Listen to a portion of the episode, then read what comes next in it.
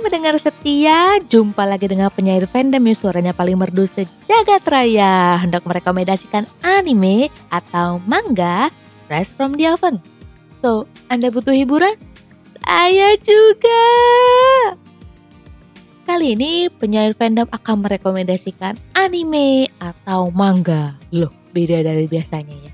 Karena awalnya manga namun diangkat menjadi anime dalam kurun waktu yang agak lama. Tapi yang membuat eh, anime atau manga ini terkenal ya karena animenya sih. Nah, judulnya adalah Tachihiro no One Room yang dalam versi bahasa Inggrisnya berarti A Little Room for Hope. Nah, ini dramatik gitu ya dengan judulnya ya. Anime atau manga ini bergenre drama dan slice of life. Uh, ada yang bilang kalau genre paling menakutkan untuk tonton atau dibaca itu adalah drama. Kenapa? Kenapa? Penyair fandom bilang sih karena mengerikan baca soal kehidupan yang dituangkan dalam bentuk manga yang dibaca atau anime yang ditonton. Ya, karena menurut orang-orang yang namanya hiburan tuh jangan bawa-bawa soal beban hidup yang nyata. Gitu kah? Ya kata orang-orang sih, Tachihiro no One Room menceritakan mengenai kasus penculikan gadis berusia 14 tahun atau kurang lebih seperti itu yang polisi percaya. Namun kenyataannya MC kita ini kabur dari rumahnya karena menerima KDRT dari orang tuanya. Dan pertanyaannya, ke manakah MC kita selanjutnya? Jawabannya, ia hidup memaden dengan penculiknya. Ini over dari ekspektasi lah ada peringatan dari penyair fandom. Anime atau manga ini agak berat untuk diikuti. Pertama nih, pendengar setia, peluncuran animenya menyertakan tagar romance. Hebat gak tuh? Padahal, kalau penyair fandom sederhanakan, Tachihiro no One Room ini sama sekali gak ada cerita romantisnya. Kalau ada orang yang bilang ini Stockholm Syndrome, eh, Sekedar info ya pendengar setia, Stockholm Syndrome itu adalah suatu anomali di mana korban jatuh cinta dengan pelakunya. Misalkan saja kayak korban yang diperkosa jatuh cinta dengan pelaku yang memperkosa. Itu secara psikologis sebenarnya aneh. Tapi kenyataannya sindrom seperti itu ada dan Versace Iro No One Room ini gak kayak gitu gitu loh. Gak ada ceritanya MC kita jatuh cinta dengan penculiknya jadi jangan ekspektasi ke romantis ya ke anime atau manga ini karena tidak seperti itu pendengar setia. Dalam Sachi Iro no One Room ini ironisnya si penculik itu orang yang tidak tahu arti kehidupannya. Kenyataannya si penculik ini orang yang ingin bunuh diri. Sementara si yang diculik itu pengen bunuh diri dengan alasan yang sama tapi keburu diculik.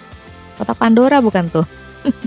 Jadi guyonnya ada nggak sih di bumi ini penculik model si penculik di manga atau di anime ini? Dia culik si MC supaya ada seseorang yang membatalkan niatnya untuk bunuh diri.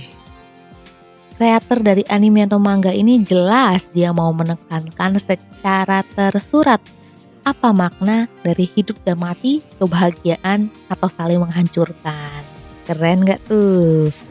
Selanjutnya, kenapa harus baca atau nonton Tachihiro no One Room? Satu, penyair fandom tanya, apakah pendengar setia sekarang adalah orang yang 100% mengerti tentang diri sendiri, mengenal diri sendiri sampai ke dalam hati? Cerita dari Sachi No One Room ini adalah gambaran sebuah dilema seseorang dalam pencarian jati diri dan tujuan hidup.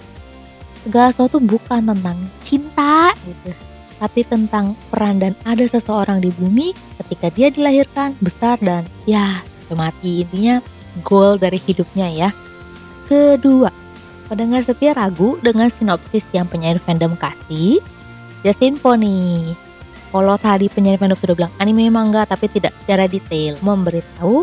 Nah, sekarang akan penyair fandom kasih tahu kalau yang mempublis anime Tachihiro no One Room ini adalah Square Enix. Salah satu favorit dari publisher penyair fandom. karena publisan dari Square Enix itu sudah terjamin kualitasnya. So-so nggak sembarangan yang bisa Square Enix angkat menjadi animenya. Mangganya sendiri, penyanyi fandom pastikan worth it untuk dibaca. Apalagi animenya ya untuk ditonton dong. Ketiga, sebenarnya manga ini sebenarnya bukan baru-baru banget. Karena first release dari Sachino One Room ini sebenarnya tahun 2017 tapi per podcast dari penyair fandom ini launching hmm, masih di chapter 50-an ya. Update ceritanya agak slow sih. Dan info dari Jepang tuh katanya ada kontradiksi antara penerbitan manga di Jepang atau gimana ya penyair fandom kurang paham sih ya cuman karena ada trouble dari Jepangnya sendiri sih makanya rilisnya itu lama. Nah buat penyair fandom itu sesuatu yang menggoda sih ya. Ayo kenapa kontradiksi? Kenapa? Kenapa? Apa ceritanya segitu sensitifnya di lembaga sensor Jepang? As you know ya, lembaga sensor di Jepang tuh sebenarnya tegas. Tapi banyak yang aneh-aneh gitu ya. Wah, I don't know lah, tapi uh, sensor itu bukan sebatas karena ada adegan yang film pornografi atau yang uh, gore itu calon-calon dokter gitu ya yang suka adegan gore gitu ya. Namun sih sepertinya Sachino One Room ini men-trigger sesuatu yang memancing lembaga sensor di Jepang untuk lama rilisnya. Penyair fandom kurang paham sih ya. Secara subjektif, penyair fandom itu suka sama cerita psikologi karena cerita tentang psikologi ini mengubek-ubek rasa kemanusiaan, moral, nurani. Ya, tiganya itu lengkap lah ya. Kalau penyair fandom lihat terhadap sebuah kehidupan. Jadi makna kehidupan tuh digali secara dalam. Coba kita bandingkan deh manga Sachinowan Iromu ini sebagai manga psikologi dengan e, manga lain yang dengan cindera yang sama. Pertama, ada manga yang berjudul Korosi Ai. Manga itu menceritakan tentang jati diri seseorang ditentukan oleh diri sendiri dan bukan orang lain. Mungkin penyair fandom gampang ya bilang kayak gitu ya.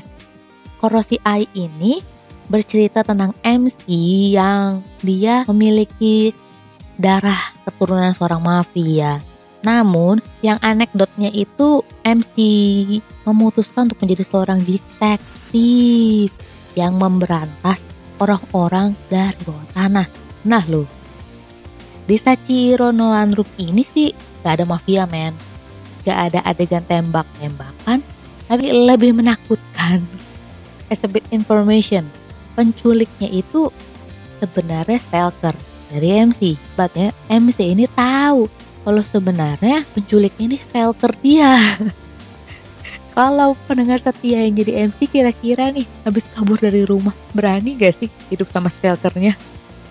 Satu hal yang penyair fandom dapatkan dari adegan memiriskan ini. Penyair fandom terbuka pikirannya ya tentang sudut pandang dan persepsi setiap manusia itu sulit dipahami apalagi ketika berhubungan dengan segala cara untuk mempertahankan hidup diri sendiri. Lalu ada juga satu manga psikologi yang wah judulnya nyai fandom sensor setengah deh ya. Fukusu Okonega Takyo Yusawa bla bla bla bla. Berharap kalau pendengar setia tidak mencari tahu tentang manga ini ya. Karena manga ini sangat sadis pendengar setia bercerita tentang MC kita yang merupakan seorang hero setelah diutus untuk membunuh Raja Setan atau Demon King kembali kepada pengutusnya.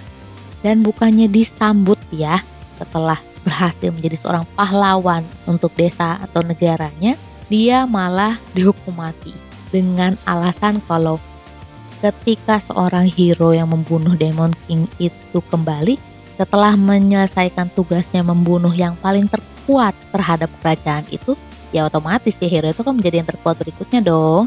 Dan seperti kerajaan ini takut kalau hero ini menjadi bertentangan dengan kerajaan gitu ya. Bukan! Ada kekonyolan di balik alasan kenapa hero ini dibunuh, yaitu yang mengutus tadi itu seorang putri dan putri ini suka sama dia dan si hero ini Ya seharusnya kalau cerita princess dia balik ke kerajaan menikah dengan putri dan happy ending. Kalau di sini karena dia menolak untuk menikahi ke tuan putri, akhirnya tuan putri ini membunuh dia. Back to another irony, MC kita hidup kembali setelah masuk neraka. Apakah pendengar setia kira-kira bisa menerka apa yang MC lakukan setelah dia kembali dari kematian? Ya, benar sekali, membalas dendam kepada si putri.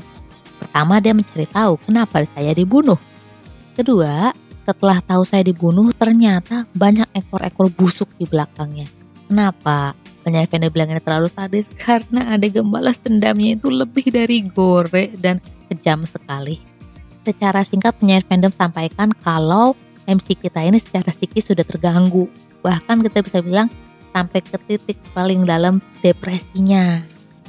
Bila dibandingkan dengan Sachi No One Room ini, tidak ada adegan balas dendam yang sadis, namun benar kan ya secara hukum dan formal legal kalau penculik itu layaknya dihukum mati ya. Karena dianggap sampah masyarakat. Gitu kah? Oke kita sampai kepada quote. Quote dari Sachi No One Room ini nggak usah banyak-banyak dah satu aja. My favorite food is coming from mas-mas penculik. Tachi realize on her kidnapper that is wrong. Quote ini penyanyi fandom ambil dari salah satu dialog antara MC dengan si penculik. Quote-nya sangat menarik ya. Pernah gak sih para pendengar setia berpikir untuk mengandalkan orang yang sudah tahu dia kriminal, tapi tetap dipercaya? Bila disederhanakan seperti ini ya, batin manusia akan mengandalkan apa pun demi kesejahteraannya, sekalipun dengan jalan yang salah. Tadi penyanyi fandom sudah bilang quote-nya cuma satu, ya memang cuma satu. Dapat disimpulkan kalau hargailah nyawa orang lain. Di manga atau anime ini adalah cerminan dari yang busuk-busuk cara nyata di dunia. Ada KDRT terhadap anak, bullying teman sekolah, pedofil, guru bejat yang mencuri kesempatan dalam kesempitan, dan kemunafikan. Intinya, hidup cuma sekali. Lakukanlah kebaikan seperti kami menerima kebaikan dari Tuhan. So, Anda butuh hiburan? Jangan lupa cari penyair fandom. Tunggu episode berikutnya.